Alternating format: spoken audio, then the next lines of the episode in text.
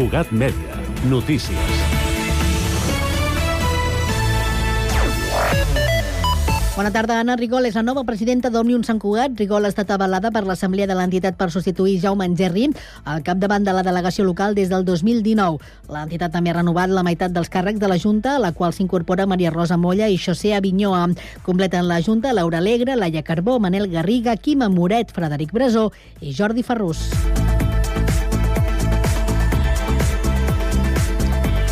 És dijous 25 de gener de 2024 i també és notícia que la plataforma animalista de Sant Cugat, La Paz, acusa l'Ajuntament d'utilitzar els protocols dels tres toms per blanquejar l'activitat i no per garantir una millor millora en el benestar dels animals que hi participen.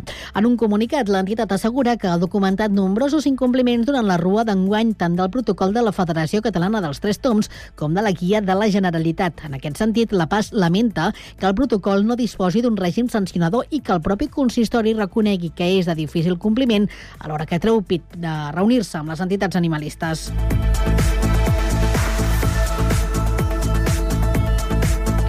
En esports, eh, destaquem que és el darrer cap de setmana de gener per als equips santcugatencs i destaquem un partit de la Peralta entre l'embol Sant Cugat i l'embol Sant Quirze, corresponent a la jornada 18 del grup D de Primera Nacional.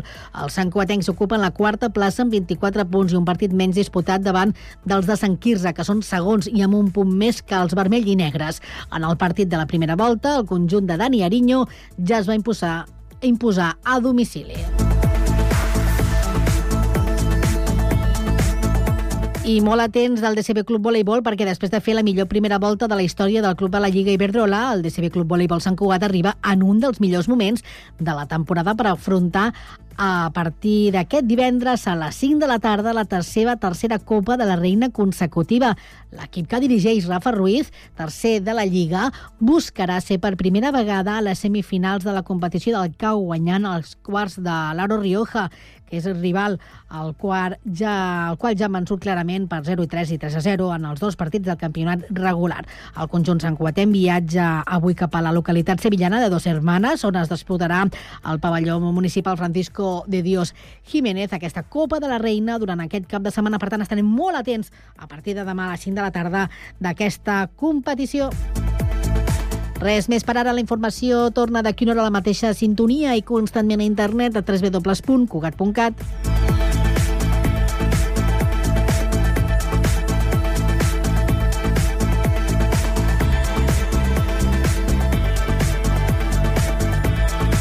Cugat Mèdia, la informació de referència a Sant Cugat.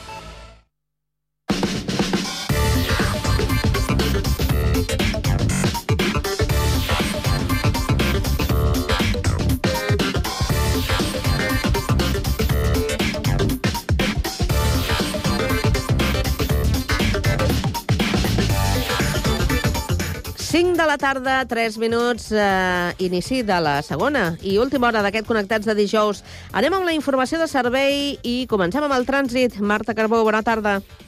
Hola, molt bona tarda. Doncs comencem destacant unes obres a la C16 a l'altura de Cacerres eh, provoquen dos quilòmetres de cua des de Gironella en sentit sud, en sentit eh, Manresa. Destacar també un accident a la C17 a la Llagost que talla un carril en sentit nord, en sentit Granollers, i per volum de trànsit doncs, veiem uh, retencions a uh, diverses vies de l'àrea metropolitana de Barcelona, com per exemple l'autopista P7, entre Santa Perpètua i Barberà en sentit sud, en sentit Martorell, també el lateral d'aquesta autopista P7, la B30, presenta aturades a Barberà per enllaçar amb la C58. A la C58 hi ha cues des de Montcada fins a l'Ultra Trinitat d'entrada a Barcelona i aturades a les dues rondes en sentit Trinitat. Abans de deixar de destacar que l'autopista P2 està activat el protocol per boira densa entre Castelldans i Juneda i que la velocitat màxima permeta està limitada a 80 km per hora. De moment, això és tot des de Català de Trànsit. Molt bona tarda. Bona tarda, gràcies. I anem ara fins al Transmet per comprovar com està funcionant el transport públic. Àlex Cubells, bona tarda. Doncs informem de la tornada a la circulació de trens entre les estacions de Terrassa i Sabadell Nord després del tall de fa unes hores a petició de les forces d'ordre. Es preveu una recuperació progressiva dels horaris i freqüències de pas. La resta de la xarxa de transport públic funciona amb normalitat, però recordem que es manté el tall per obres a la línia R3 de Rodalies entre Parets i el Figaró fins diumenge diumenge 4 de febrer. I de moment això és tot des del Transmet, us seguirem informant.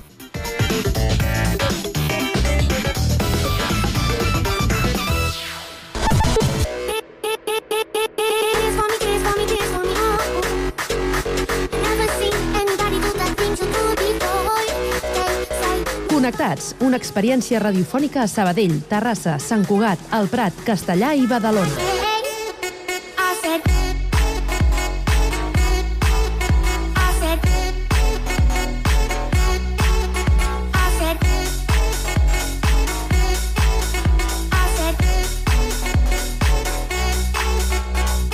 Connectats amb Carme Reverte.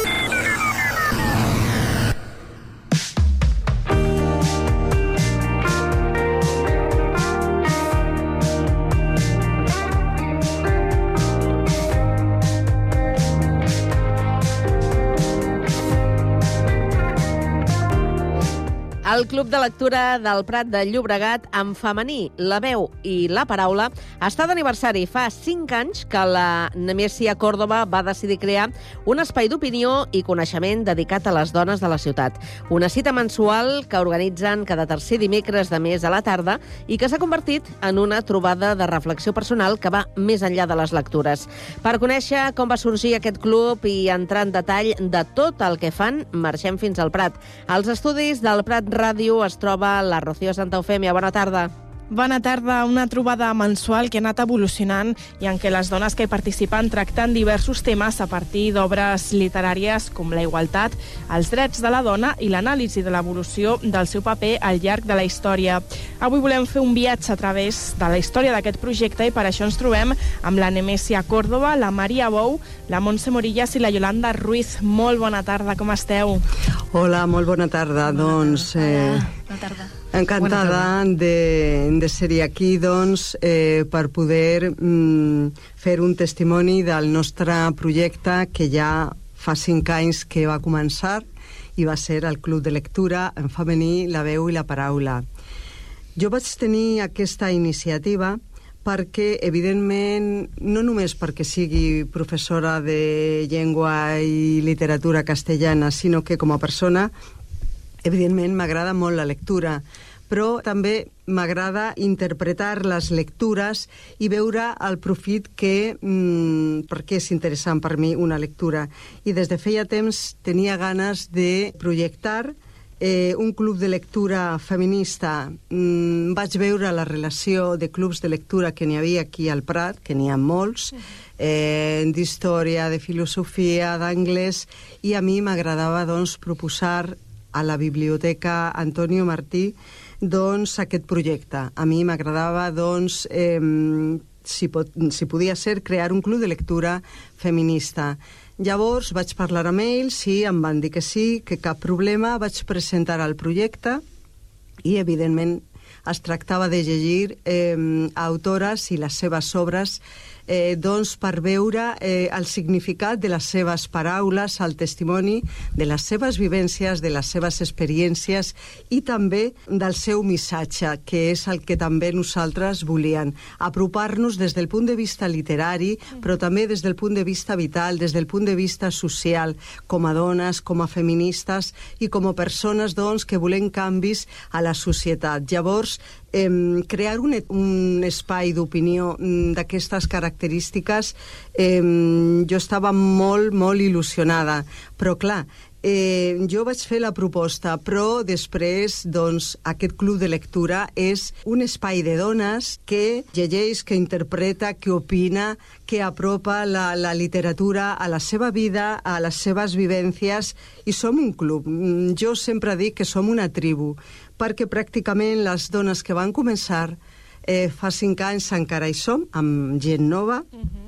també, eh, però mm, hem creat un espai, un espai d'interrelació personal, cultural. Estem obertes també doncs, a qualsevol mm, activitat eh, social eh, som permeables i sensibles a tot el que ens envolta. Per aquesta raó, el club no només és un club de lectura, és un club vital, és un club cultural, és un, és un club mm, humanístic, per dir-lo d'alguna manera, que ha creat uns lligams entre nosaltres doncs, que són molt importants a nivell afectiu, personal eh, i cultural. Ara ho deies, de fet, hi ha algunes de les membres que formeu part des del primer dia, també hi ha d'altres més joves, perquè és un club amb diferents, amb, amb dones de diferents edats, i jo precisament, aprofitant que esteu aquí les quatre, us volia preguntar sobre alguna lectura que us hagi marcat, algun llibre eh, que destaqueu en aquest temps, ja, bé, ja sigui bé perquè a vosaltres personalment us ha ajudat o us ha marcat més, o també per, pel resultat de la sessió conjunta amb les altres dones, per, per les reflexions que vau fer en conjunt. Si em podríeu destacar alguns d'aquests llibres. Mm, aviam, és, és molt difícil parlar només d'un llibre perquè hem llegit més de 40 llibres llegim 9 llibres cada, cada curs escolar, diguéssim, que funcionem de setembre a juny i llegim 9 llibres. Eh, llavors, és complicat perquè eh, un llibre, o sigui, el llegim a casa uh -huh. i potser, bueno, hi ha llibres que ens agraden molt, i, però diferent a cada persona, i llibres que no t'agraden, fins i tot un llibre que dius, pues mira, no m'ha acabat d'enganxar, no... Però després arribes al club i de l'intercanvi dius, ostres, mm, t'acaba t'acaba t'acaba dient alguna cosa aquest llibre.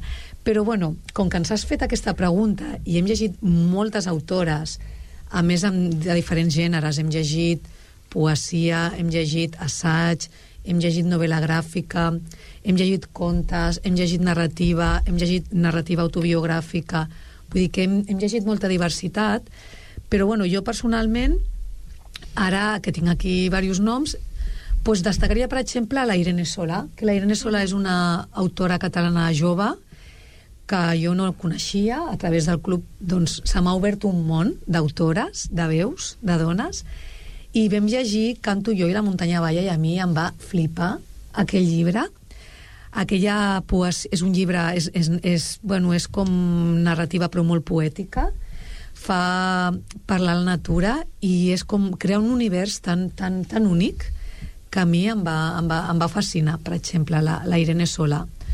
Pues potser destaco la Irene Sola. No sé si, Yolanda, tu vols dir... Sí, bueno, és que, com tu dius, n'hi ha molts llibres i és molt difícil quedar-se amb un, però a mi també més que llibres destacaria autores de l'Annie Arnau per exemple és, bueno, jo no la coneixia que és una de les coses bones d'aquest club que llegeixes coses que potser mai haurien arribat a les teves mans uh mhm. -huh. I la Sara Mesa després també mm. són llibres que, que a mi m'han i com deia la Montse els llegeixes a casa i, i t'agraden més o menys però quan arribes allà i el poses en comú amb les companyes és que sempre surten coses que potser no havies vist o que no, no havies reparat amb elles o, i, i és, és molt fort, la veritat, la sensació de d'això, de tribu, com deia la, la Neme. A mi una de les coses que em fascina del club és el diàleg que s'estableix entre autores vives, mortes, de continents diferents, ara acabem de llegir una autora coreana també, s'estableix un diàleg eh, entre els llibres, no? i un llibre et porta un altre o et recorda o que per, bueno, per mi és molt valuós és, bueno, a nivell intel·lectual és, és molt interessant no sé, la Maria, la Maria s'acaba d'incorporar al club. Sí, jo porto molt poc, però dels llibres que portem, a mi el que em va tocar molt, per exemple, és Los armarios vacíos de la Enier Naux, que va ser el primer llibre que, bueno, amb el que em vaig incorporar. I, bueno, per mi, sincerament, aquesta autora jo la coneixia d'abans i sempre m'ha agradat perquè parla des d'una perspectiva, bueno, utilitza un llenguatge molt dur, molt, molt descarnat i al final ho fa molt fàcil entendre la realitat de les dones en, en l'època d'aquesta autora, perquè al final ella és una, una autora amb un compromís polític i social que en totes les seves obres recalca molt la crítica feminista que fa i perquè al final vol donar una consciència social amb les seves obres i sobretot amb aquesta, amb aquesta obra. De fet, no volia marxar i acabar l'entrevista sense preguntar-vos a nivell personal què us aporta a vosaltres, no? no només aquest coneixement, aquesta història explicada per les dones, sinó també el fet de fer-ho en aquest espai intergeneracional, de compartir, de reflexionar plegades, no sé si fins i tot a aquest a, a club de lectura que és un cop al mes ja s'ha convertit en una cita que, que espereu amb ganes cada mes, no només pel que implica a nivell um, més de, de coneixement, sinó sobretot a nivell personal, que us aporta cada una de vosaltres ja per acabar. Sí, jo, jo tinc moltes ganes cada mes de que, de que arribi la, la data perquè per mi és, bueno, és la trobada amb les persones que és això que ja doncs, ens, ens, ens hem agafat molt de carinyo perquè més és un espai d'escolta, de respecte i això no, no sempre es dona i, i aquest club té aquest esperit llavors, bueno, és, jo tinc moltes ganes de que arribi pel plaer intel·lectual i, i pel, també pel, pel goig d'estar de, amb, amb les companyes amb les que després d'aquests anys pues, ja ens tenim, ens tenim molta, molt de carinyo. Sí, de fet, quan a l'estiu que fem el paró és com que sempre estem ja pensant... Sí, inquietes. Quan tornem a l'escola a, a veure'ns i, a, i a començar a llegir i ens, a mi em fa molta il·lusió, la veritat. I és això una cita que espero sempre en, de fet quan no puc anar per alguna raó doncs fa ràbia perquè Sí, és una motivació gran, sí, sí. la veritat. És una motivació molt gran per mi a nivell personal. Sí, és un espai doncs, eh, que compartim i és un espai, com diu la, la Montse, és un espai personal, ja ens coneixem fa cinc anys, és un espai d'opinió, és un espai de, de, de sensibilitat, d'interrelacionar doncs, punts de vista i diferents eh, aspectes crítics d'una obra i també doncs, eh, a nivell personal, a nivell social, inclús a nivell polític. És eh, viure la literatura eh, com a persones i també persones que estan en, en, en una societat. És una, és una eina viva. I, i bueno, jo també estic encantada i ara que porto dos mesos que no he pogut assistir per qüestions eh, de malaltia, doncs tinc realment mono de que arribi la propera sessió perquè m'ho passo molt bé i és molt, molt interessant. Sí, jo la veritat és que el mateix, eh, al final, per mi aquest grup, personalment, ha sigut una oportunitat per poder conèixer altres veus, més allunyades del meu, del meu cercle, altres dones literates que jo no coneixia. Jo coneixia les típiques Virginia Woolf, que, bueno, l'habitació pròpia va ser la meva primera lectura, a quart de l'ESO així, que va ser com, uau, un, un nou mundo eh, Annie Ernauch, Sílvia Plath, però moltes autores que, hem, que heu llegit jo no tenia ni idea.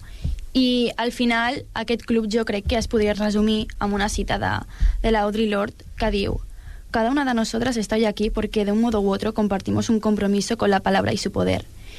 Y també més a baix recalca que porque solo de esta manera podremos sobrevivir, participando en un proceso vital creativo y constante de crecimiento. Molts cops quan llegim una obra que té un transfons feminista, nosaltres ens podem sentir reflexades en algunes coses que diu les autores, però d'altres no. Llavors, quan arribes al club, escoltes altres opinions, escoltes com ho han viscut de manera personal, perquè al final lo polític és personal. I el patriarcat ens afecta de diferent manera a totes.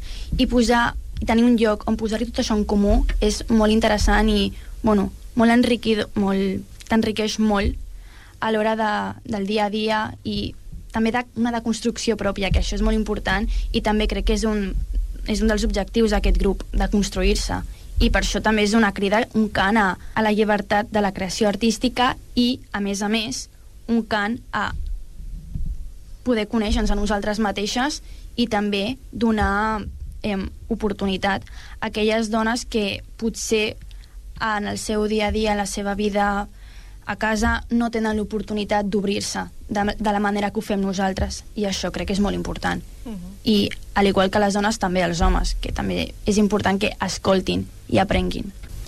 Ja per acabar molt ràpidament, alguna, expliqueu-me algunes de les activitats paral·leles que feu, perquè això va començar com una trobada mensual, dèiem, però ha evolucionat també a altres coses, no?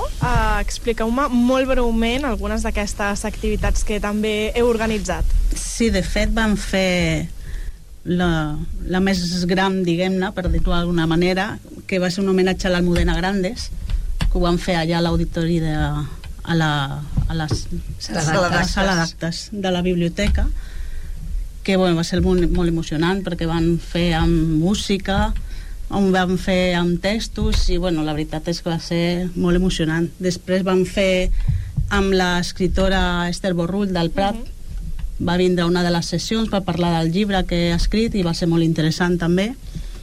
I em sembla que la primera, la primera que vam fer va ser una lectura també a la sala de, de premsa d'allà del, del Cèntric, on feien que va ser la meva primera intervenció, que a mi em costa molt, i van llegir, pues, cadascuna triava una, una, una Poema. escena, un poema, bueno, el que, Un un, text, el, el, el que volgués, i ho van fer també allà a la sala, que em sembla que va ser això la primera, no sé, el, el 2020, potser. Va, va ser tot, tot just uns dies abans de, de, la, De la pandèmia. De la Sí, sí, sí. pandèmia. Sí, Estàvem sí. a tope. A, tope. Sí, sí, sí. Estàvem Sí, sí. eufòriques. I la veritat és que bueno, jo crec que va sortir bé i bueno, Sí.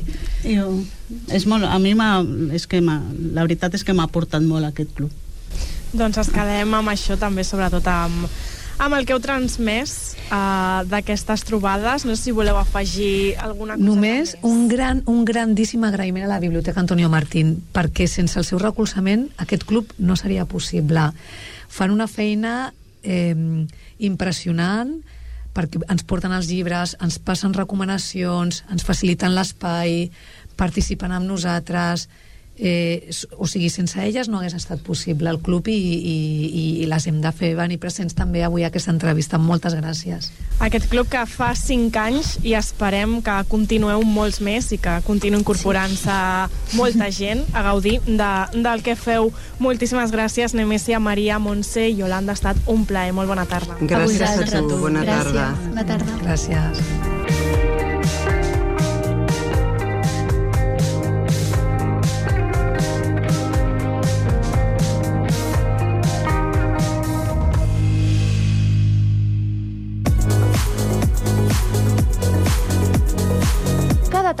446 Connectats. Una experiència radiofònica a Sabadell, Terrassa, Sant Cugat, Castellà, El Prat i Badalona.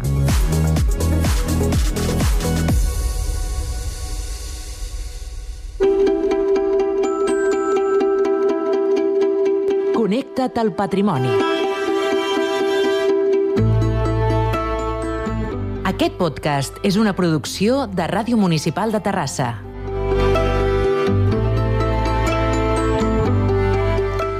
El Mercat de la Independència és una de les joies del modernisme de la ciutat de Terrassa. El creador del blog en Records de Terrassa, Santi Rius, ens informa de la seva creació i altres detalls d'aquest equipament en aquesta conversa amb el periodista Sergi Estapé.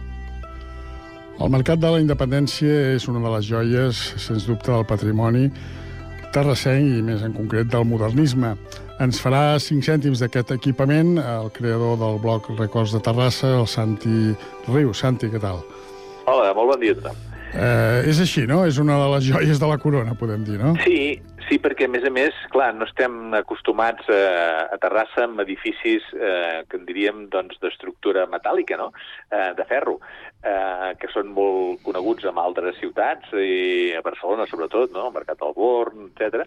I aquí a Terrassa doncs, eh, tenim una, un exemple fantàstic amb aquest Mercat de la Independència d'estil modernista i ubicat ben bé al mig de la ciutat, no? Mm -hmm. Hi van participar eh, diversos arquitectes, no? Sí, eh, hi van participar el que en aquell moment es coneixien com a arqui- arquitectes municipals, que eren els que en aquell moment doncs, feien la majoria d'obres públiques. Com que estem parlant de bueno, doncs, eh, doncs d'uns anys eh, de principis de segle, el primer que hi va intervenir va ser Antoni Pasqual Carretero i posteriorment va ser Melció Vinyals i, i Muñoz. Mm, van ser dos arquitectes que un va vindre a continuació de l'altre com, a, com a arquitectes municipals i que doncs, van fer aquesta obra en els llargs, el, diguem-ne, amb, els, amb els anys que va tardar en la seva construcció. Uh -huh. el, el, ja, ja hi havia hagut algun mercat, no?, el 1200, etc. però sí. a la que a finals del segle XIX, quan ja Terrassa comença a créixer exponencialment, doncs es veu que bueno, hi, ha, hi ha aquesta necessitat no?, de, de construir un mercat que sigui cobert. Clar, pensem que el mercat de la ciutat, com en moltes altres ciutats en aquell moment, es feia a la plaça Major. I era un mercat obert. Posaven les paradetes al mig de la plaça i es venia tot. Es venia carn, es venia peix, es venia qualsevol tipus de producte dels, dels pagesos, etc. Clar, que el dia que plovia, el dia que feia mal temps o qualsevol cosa d'aquestes, el mercat es veia doncs, que tenia problemes, per molt que hi posessin tendalls i de més. I van començar a pensar amb la idea de fer un mercat, un mercat cobert. Uh, la idea inicial era, era mirar de veure si es podia fer mm, a la mateixa plaça o al voltant de la plaça o, o, o en llocs eh, propers a la plaça, eh, a la plaça Major, en aquest cas, no? Però es va veure que, que no era possible per diferents, eh, diguem-ne, problemàtiques, no? en definitiva, perquè tenien que tirar una sèrie de carrers o, o de cases de terra, i, i es va decidir utilitzar un espai que hi havia en el Raval, hem d'entendre que el Raval era una perllongació del que havia sigut el centre de la ciutat, fora muralles, eh, i anant cap a la Rambla hi havia un espai que estava ocupat per l'antic hospital de Terrassa, Mm -hmm. que, que enderrocant-lo doncs, quedava un, un, un espai prou diàfan per construir un mercat que tenia que tindre una miqueta de- d'inclinació perquè, perquè donava a lo que era el torrent, en aquest cas el, el, el Rambla, no? que en aquell moment encara estava eh, per cobrir, doncs, estava cobrint en, aquells, en aquelles èpoques. Eh, I aquí tenim l'espai i, i el canvi, i, i d'alguna manera el que ens ha marcat el, el mercat de la ciutat, perquè això és molt important, perquè la, la nostra plaça Major es diu plaça Vella Mm per culpa del mercat de la independència. Ah. I aquest fet és molt curiós en la ciutat de Terrassa, no? Per què? Doncs perquè la plaça on es venia, la plaça vella, era precisament la plaça Major. I quan es va fer el mercat de la independència, la gent li deia la, anem al, a la plaça nova, perquè allò era la plaça del mercat nou. No li deien anem al mercat de la independència. Doncs anem, anem a comprar a plaça o anem a la plaça nova. Per això quan es va fer aquí a Terrassa la plaça nova, que ara s'ha fet eh, eh, els últims anys, hi va haver-hi una certa polèmica, no? perquè van dir, perquè li han posat plaça nova, la plaça nova de la nostra ciutat és el mercat de la independència. Però, bueno, coses d'aquestes que passen. Mhm. A vegades no es té en compte aquestes històries a l'hora de posar els noms al, als indrets de la ciutat. Però bé, eh, sí que és cert doncs, que, que clar, d'alguna manera aquest, aquest canvi va tindre la seva importància i aquesta proposta doncs, va esdevenir, mm, bueno, d'alguna manera, a la construcció del nou mercat, que es va començar a construir, fixeu-vos, el 4 de juliol del 1904. Eh, el 4 de juliol no és una data qualsevol. De fet, a la ciutat de Terrassa es dona aquesta circumstància moltes vegades que inauguracions o primeres pedres coincideixen amb la festa major. Sí. Doncs el 4 de juliol era el primer dia de la festa major i la idea també era inaugurar-lo mm, a a la festa major, en aquest cas de l'any 1908, però es va retrasar. Es va retrasar l'obra i finalment es va tindre que inaugurar el 14 de novembre, ja doncs, eh, la festa major del 1908. O sigui, són quatre anys d'obres i en aquest cas doncs, eh, hi van participar els arquitectes eh, en la inauguració, es va fer una festa, es va fer un, un dinar fins i tot a l'hotel peninsular, que en aquell moment doncs, tenia molta anomenada a la ciutat. I, i bé... mm, I per què el podríem Mercat donar- de la Independència, Santa? Perdó? Per què el nom? D'on ve el nom? El nom ve d'això, ve d'alguna manera de, de, de, de recordar un fet important a la ciutat, que va ser doncs, la, la guerra del francès, que en dèiem, no? també el que es coneix com a guerra de la independència espanyola. Aquí a Catalunya es, es va dir més la guerra del francès, però finalment es va, va quedar imposant doncs, aquest eh, terme de guerra de la independència. Eh, quan es va intentar posar el nom, hi va haver-hi la idea de posar-li el nom de Mercat de la Llibertat, però es va creure que era una miqueta massa agosarat, això de Mercat de la Llibertat. I finalment es va optar pel nom de Mercat de la Independència. eh, I, de fet, si algú s'hi fixa, al costat de l'entrada principal hi ha una placa que homenatja aquest, aquest, eh, aquest fet, aquest fet que la ciutat ha tindre importància, perquè mm, hi ha un, un, un, diguem-ne, un fet important, que és que són dos ciutadans que es van sacrificar en, en aquesta lluita, que són en Sagrera, Vinyals i Viver, juntament amb, altre, amb altres ciutadans, que van participar en aquesta guerra famosa de l'any 1808. Mm. I explica'ns una mica el, com està estructurat l'edifici. Té tres, és una planta amb tres naus, no? Sí, bàsicament és una planta amb tres naus. Eh, de fet, eh, està en forma com de ventall, eh? I, i les naus no tenen la mateixa mida. O sigui, són una miqueta escatusseres, en aquest cas, no? O sigui, no, no, sí, la més llarga té 70 metres, després la segona en té 65 i la petita en té 28. I totes tres, diguem-ne, conflueixen en, una, en un espai central amb una gran lluerna que dona, que dona lluminositat a aquest edifici un edifici gran, eh? 3.400 metres quadrats a la planta principal i, i uns 1.500 a la planta subterrània, que potser és la menys coneguda i que bé, la gent potser no, no la coneix tant, però que hem de pensar que era important en aquella època, ja que tot el material arriba per la part soterrània, arribava en aquell moment per, cavallerí, per cavallerisses, no? O sigui, arribaven els carros, arribaven els cavalls, arribaven tot el gènere, i tenien que tindre un espai per aquests serveis, per allotjar fins i tot els cavalls mentre s'esperaven, no? Eh, després s'hi va posar també en aquesta part eh, subterrània la, la fàbrica del gel, no? el lloc on feien el gel i, i altres coses. Uh -huh. Eh, el bonic de l'edifici és, és imaginar-nos-el només amb l'estructura de ferro, perquè eh, si el veiéssim despullat, perquè ens entenguem, eh, seria molt, molt espectacular. I si mirem per sobre de les parades, també ens donarem compte d'aquest espectacle del ferro colat. Hi ha 50 columnes, 50 columnes que aguanten aquesta, aquesta coberta que permet doncs, que entri la llum natural eh, eh, gràcies a unes 4.000 claraboies de vidre. O sigui, són moltes. Eh, clar, clar, és que moltes vegades quan anem al mercat no els fem la vista, no? Però jo us ho recomano. Vull dir, si heu d'anar al mercat, que heu anat moltes vegades, simplement pareu un moment i mireu en l'aire. És, és molt espectacular. Uh -huh. Podem dir, Santi, que sí. estilísticament no és un prodigi, però sí de la manera que es va construir per l'època, doncs Déu-n'hi-do, no? Sí, sí, sí. A veure, podia, podia, estilísticament podia haver sigut més espectacular, és evident, no? I de fet hi ha edificis com el Born a Barcelona que són, que són més espectaculars. Però hem d'entendre que primera és la primera estructura de ferro que es fa a la ciutat, eh, una de les primeres que, que es troben, no? I que, i que esclar, és, mm, diguem-ne, busca una funcionalitat. Més que buscar un element artístic, busca que realment sigui funcional, eh? Uh -huh.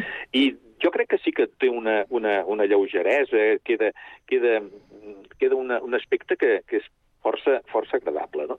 Eh, a més a més, hi ha aquestes façanes exteriors, amb, amb més, més en pedra, però i també a la vegada amb, un, amb, una, amb unes... Eh, amb, diguem-ne, amb, amb unes finestres que, que tenen doncs, un treball de fusta, eh, tot el que seria la part de, de les portes amb el ferro forjat, vull dir, té elements que són bonics, -hmm. són macos de, de, de veure, no?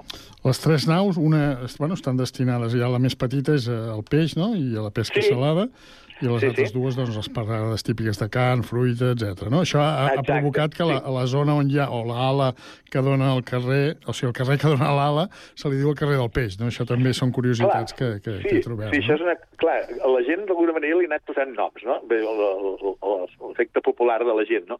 El, el, el, el tros del carrer que dona justament a l'ala del peix se li diu el carrer del peix. Igual que d'alguna manera a la banda on hi havia la, la fàbrica del gel també se li diu el carrer del gel. Sí, sí, sí. És una... Bueno, l'edifici de... Clar, eh, recordem que és de l'any que és, eh, però, clar, de, ha anat eh, patint o ha anat sofrint algunes eh, remodelacions, no? Bàsicament podríem veure diferents remodelacions.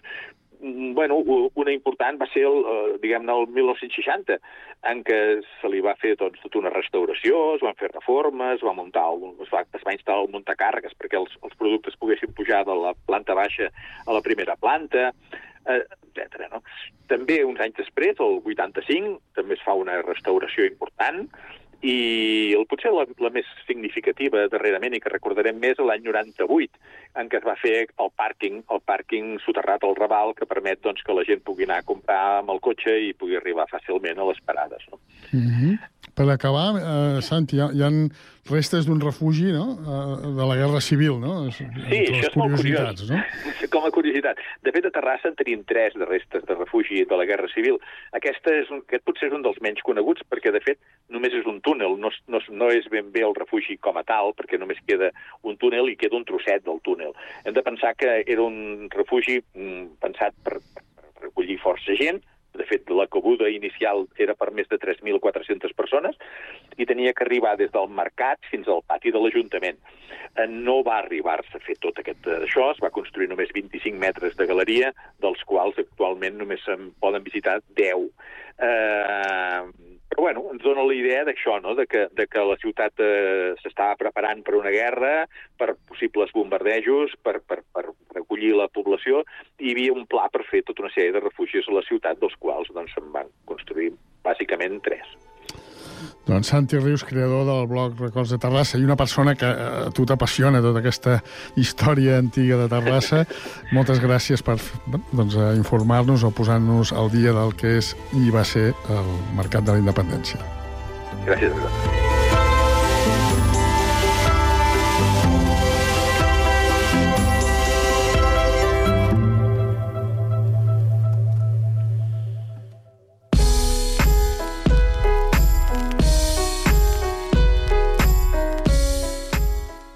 Tal dia com avui, del 1981, va néixer als Estats Units l'Alicia Ushelo Cook, més coneguda com Alicia Keys. Cantant i compositora de rhythm and blues, ha venut més de 25 milions de discs i ha guanyat 9 premis Grammys, 11 Billboards i 3 American Music Awards, entre d'altres. Amb tessitura de mezzo-soprano, també toca multitud d'instruments. Acumula milions de reproduccions a les xarxes amb les cançons If I Car You, My Boo, Girl on Fire o aquest No One.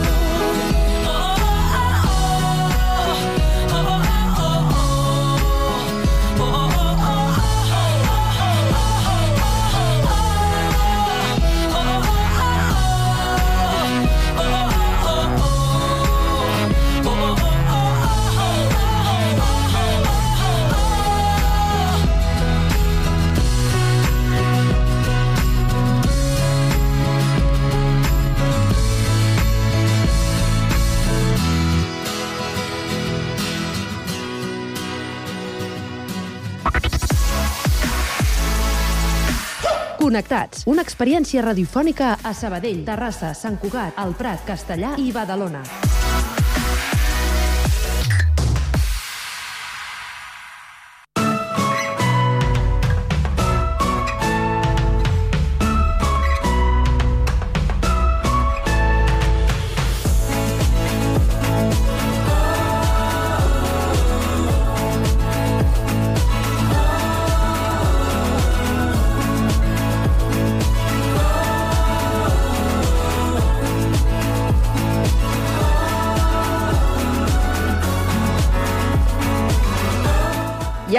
Per parlar de cultura, en aquest tram final del Connectats de dijous, anem fins a Castellà, perquè tenim a punt la, Lin la Lídia Urrutia, una de les dames del crim, que ens porta una nova recomanació literària de novel·la negra. Es tracta del llibre Rancor, de l'escriptor italià Gianrico Carofilo, Carofiglio.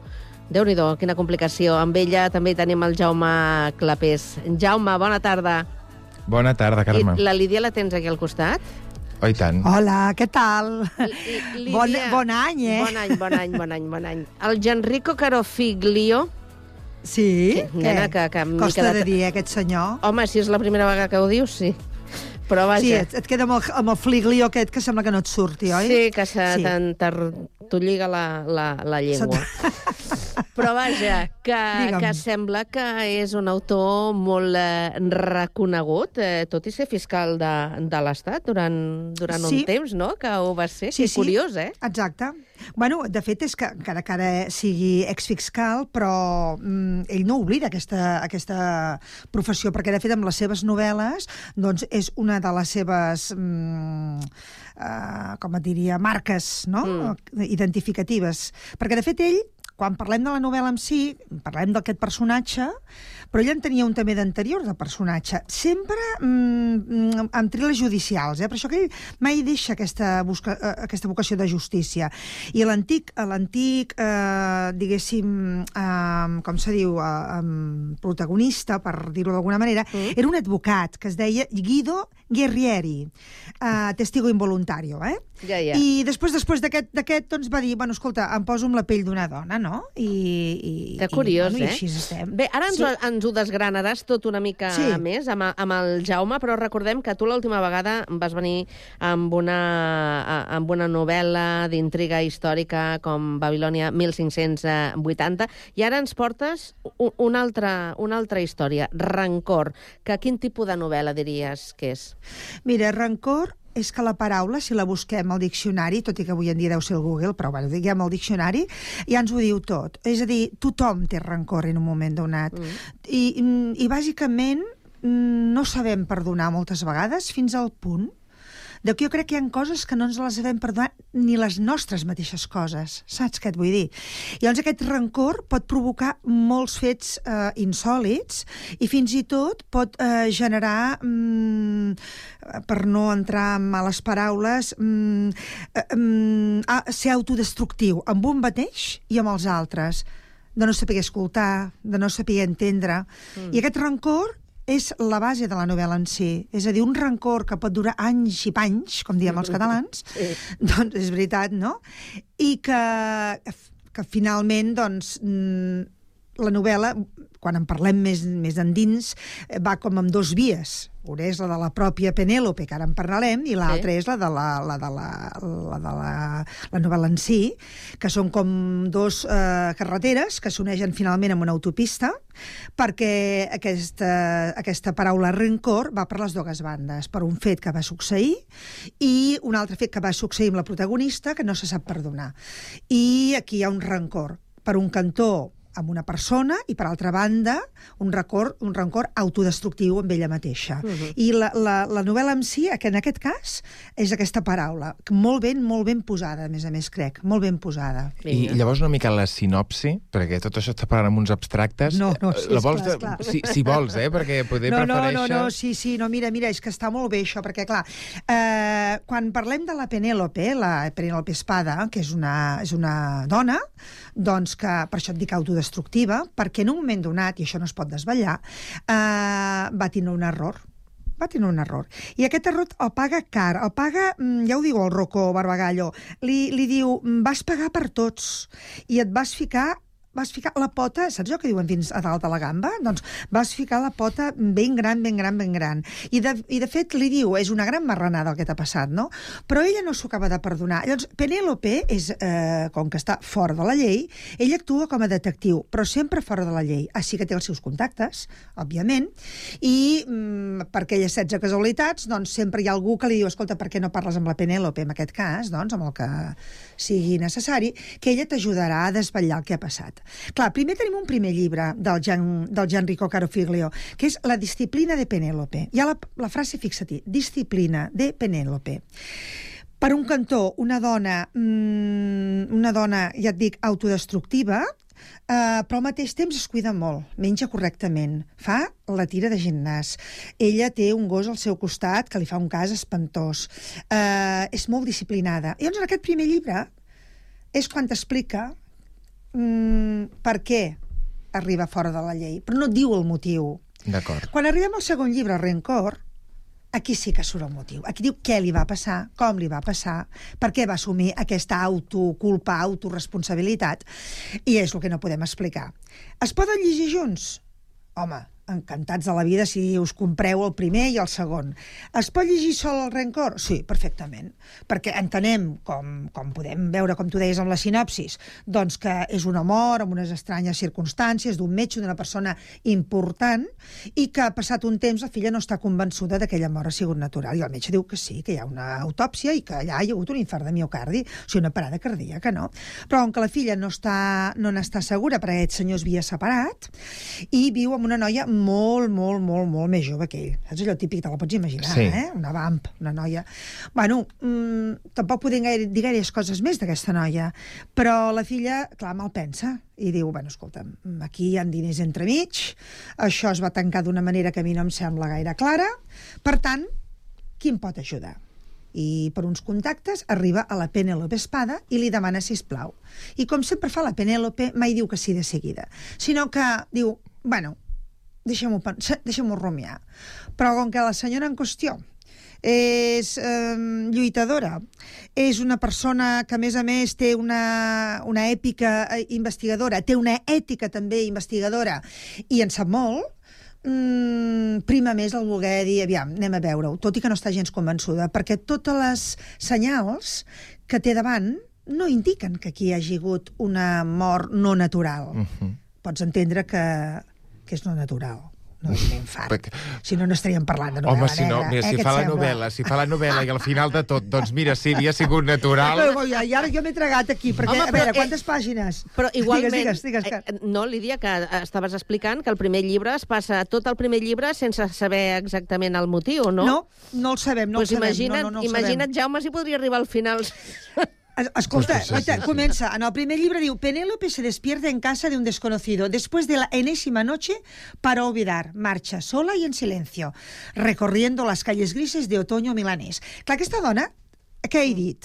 Es cuida, menja bé, fa gimnàs, però fa gimnàs que, bueno, al principi del llibre hi ha un senyor que l'observa en un jardí, en uns, un jardí, i, i pensa que aquesta dona s'està deixant aquí la pell, no? Però, bueno, després s'emborratxa, veu, el sexe li va mm, per tot arreu, i clar, és una mica incongruent, i aquí és on es veu que mm, es maltracta, no? Seria una mica la paraula. Que hi ha una culpa, hi ha una culpa. Hi ha una culpa molt important. Ara, ella és una dona tossuda, és una dona, a més a més, que, el que et deia, és aquest sentit de la justícia tan, tan potent que té. I, mm, bueno, de fet, per ella, el trencar amb la justícia per ella va ser molt traumàtic, la va deixar molt, molt tocada, i no vol tampoc afrontar-ho. Sempre, sempre busca, saps, aquest escape per dir, bueno, no, no, jo què culleres haig de fer, no? I el que passa que el Gian, el Gianrico Carofiglio és una persona que, que treballa aquest llibre amb molta minu, minucitat, això sí que em costa de mi. Sempre aquesta parauleta Minuci- és minuciós, és minuciós, deixem-ho senzill, no? És senzill i a més és reflectiu, eh, ai, reflectiu no, reflexiu, perquè mm, jo tinc costum de, de tinc la costum, el costum, perdó, de mm, subratllar amb Sí? llapis, això sí. i de vegades hi ha frases, paràgrafs, que, que ja no, no solament és per la novel·la, que dius, ai, vull veure què, què, qui ha sigut, què ha sigut, què he fet, com ho ha fet. No, és per com et fa pensar, que això també els llibres és molt important, tant si és una novel·la negra, com una novel·la històrica, com una novel·la mm, política, com una novel·la clàssica. Buscar aquella part que et faci pensar una mica també, no? que, que et puguis en algun moment sentir identificat o pensar en algun fet, doncs que, que t'aporti alguna cosa més. No? I això ell, el, el Gianrico, ho sap fer molt bé. Bueno, us deixo parlar, perquè, clar, si jo parlo del ja em Home, diu... no, "Què?" però, Lídia, és que el que volem és que ens expliqui, clar, que ens expliquis Clar. les cosetes. Bueno, de- hi ha una cosa molt divertida també d'aquest bon home, eh? perquè que el vaig estar escoltant Ara l'autor, eh? Estem parlant de l'autor. Sí, en anglès, ai, en anglès, en italiano. I llavors, jo buscant el traductor, perquè mira que, home, s'entén una mica rona, no? Però que sí el senyor va deixar molt clar que les seves, um, les seves novel·les, bàsicament, les més autobiogràfiques, ell, que és un home, um, té el protagonista de la dona, com si ell se sentís en aquell moment com, com la dona realment. O sigui, si algú li interessa, que busqui... Uh, uh, bueno, és igual, entra a internet, posa el Gian Gianfranco Carofiglio, Gianrico Carofiglio, i que busqui doncs, una entrevista a la que li sembli més oportuna, perquè no cal que sigui del llibre, perquè ell, no, ell tendeix a no parlar dels llibres, ell tendeix a parlar de la justícia, ell tendeix a parlar, doncs, això, doncs, de, de, de que no... que ell, personalment, amb tots els... I més les dones li han dit que en els llibres que ell escriu, escriu i parla en primera persona una dona i que realment ell és un home que ho està escrivint. I mm. això eh, és una de les coses que, bueno, sembla ser que, que agrada molt, eh? També és cert que el Jan Rico segueix molt els cànons de la novel·la policíaca, eh? vull dir, els esquemes clàssics de la investigació. Home, jo quan ho has explicat m'ha vingut el sueño eterno, dic, sembla... Oh. És, és, és, uh, sí, eh? No, la premissa així d'entrada, dic, sí, bueno... És, és, sí, sí. Aquest, aquest és més així com més, més, més, més, més bestiota, i una mica més. Perquè ella, clar, quan la veus com, quan fa el gimnàs i te l'imagines, i el seu gos i tal, i pim, i com es maltracta amb l'alcohol, dius, hosti...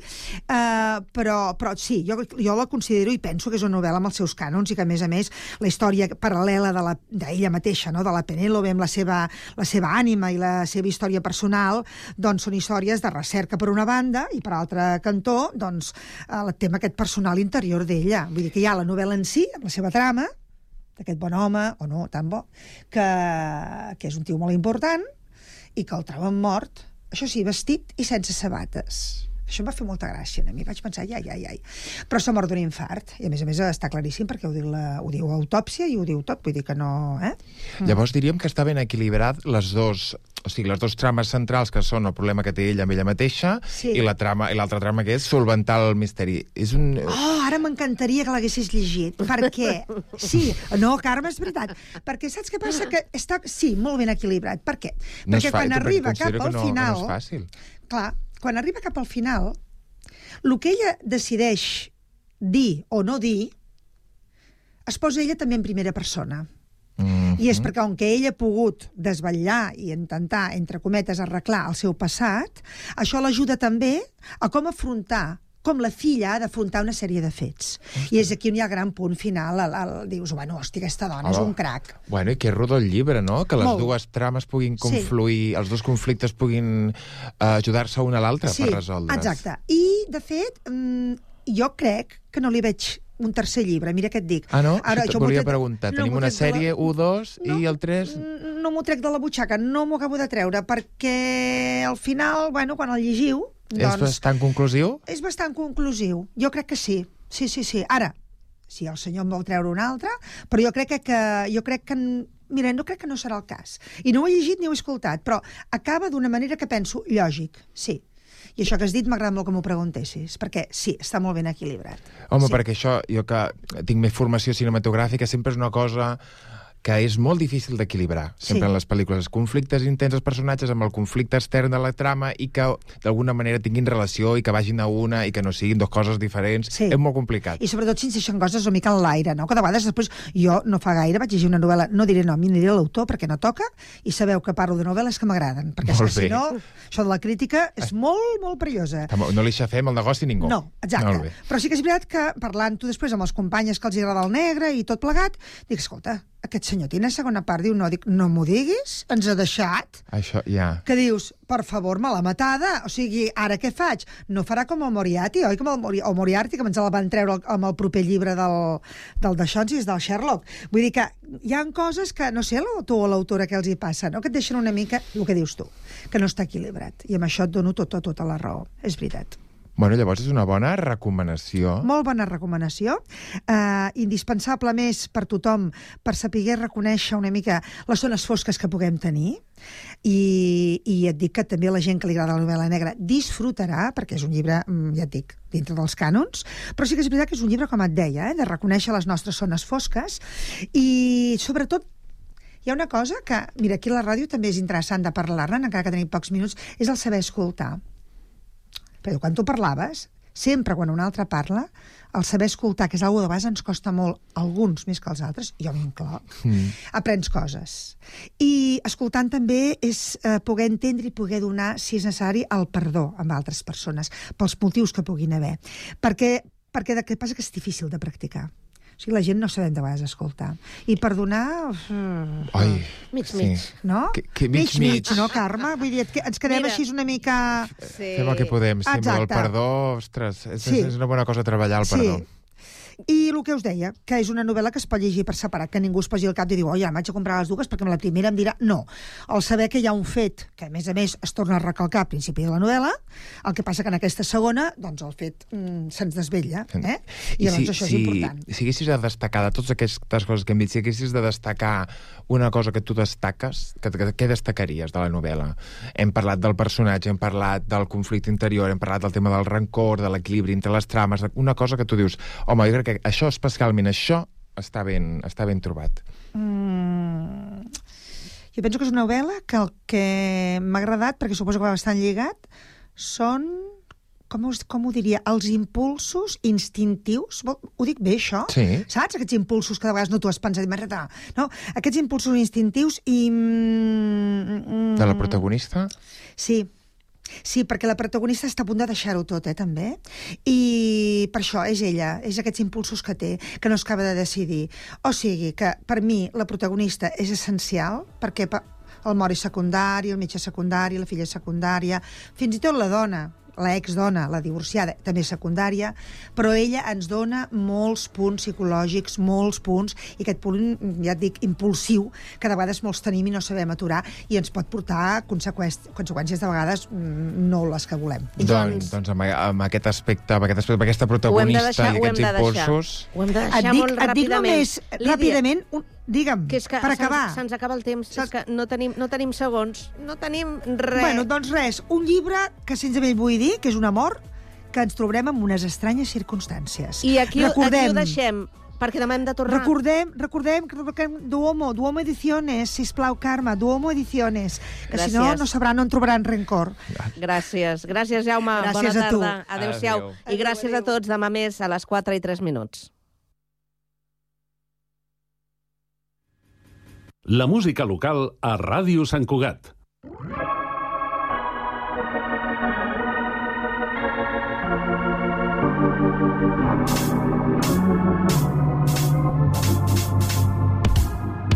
M'agraden les coses senzilles com ficar-me els dits a la boca i xiular fort. Que giri tothom que estava al lloc, fins i tot la mala sort. No hi ha dia que passi de mi, la molt puta, sempre de tort. D'acord, no tinc paciència ni modèstia al cor. Sóc com les ones, l'oblit i el record. Amant i venint pel port, et trobo faltar, mixeta. Crec que últimament he perdut una mica el nord. Miro els vaixells perdent-se en l'horitzó. Estic pensant a fer el farcell, pirar-me, tocar el dos. Això és un desgavell, la nit no té timó. Si tan sols tingués estrella que em marqués de direcció, jo la seguiria desbocat sobre les ones. Res m'aturaria, prendre ben el curro. La ciutat no em dóna treva i estic fins a la polla. Només vull fer la meva, no penso baixar del burro. Acròbata, ah, jo vull ser La nit va donant voltes i tu et trobes al carrer Jo, què passaria si només volgués saltar, ah Uns corraons amb el cel i amb la gravetat, ah, ah, ah Acròbata, enfilat amb begut de la llum Sí, que em un trapezi, està decidit La nit és un incendi que jo porto dins del pit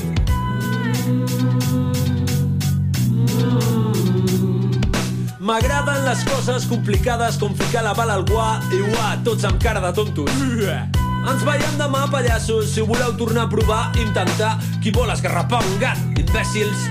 Més m'estimo anar al circ, admirar l'estil del funambulista penjat d'un fil al públic en estat febril. Pares, mares, fills, mirin a la pista i veuran on està el perill.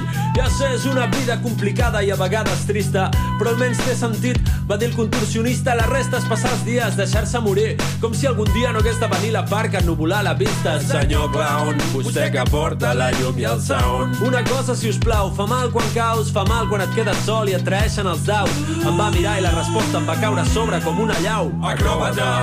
Ah, jo vull ser la nit va donar voltes i tu et trobes al carrer. Jo, què passaria si només volgués saltar? Ah, uns correbons amb el cel i amb la gravetat. Ah, ah, ah, acròbata, enfilat amunt, ha begut de la llum. Sí, que toquin un trapezi, està decidit. La nit és un incendi que jo porto dins del pit. M'agraden les coses perilloses com mirar-te dins els ulls en aquell moment just de la nit. Potser acabem a hòsties o potser acabem al llit, depèn de la lluna, els dimonis i la mare que els va parir. Em fa vomitar l'espectacle sense risc, no, no hi ha res que m'amargui, no necessito ajuda i ho sento molt, Barbie, però aquesta nit prefereixo xupar-li les tetes a la dona barbuda. Digue'm, per què no et puc estimar si no ets estranya i difícil? Em deu anar la canya. Ràdio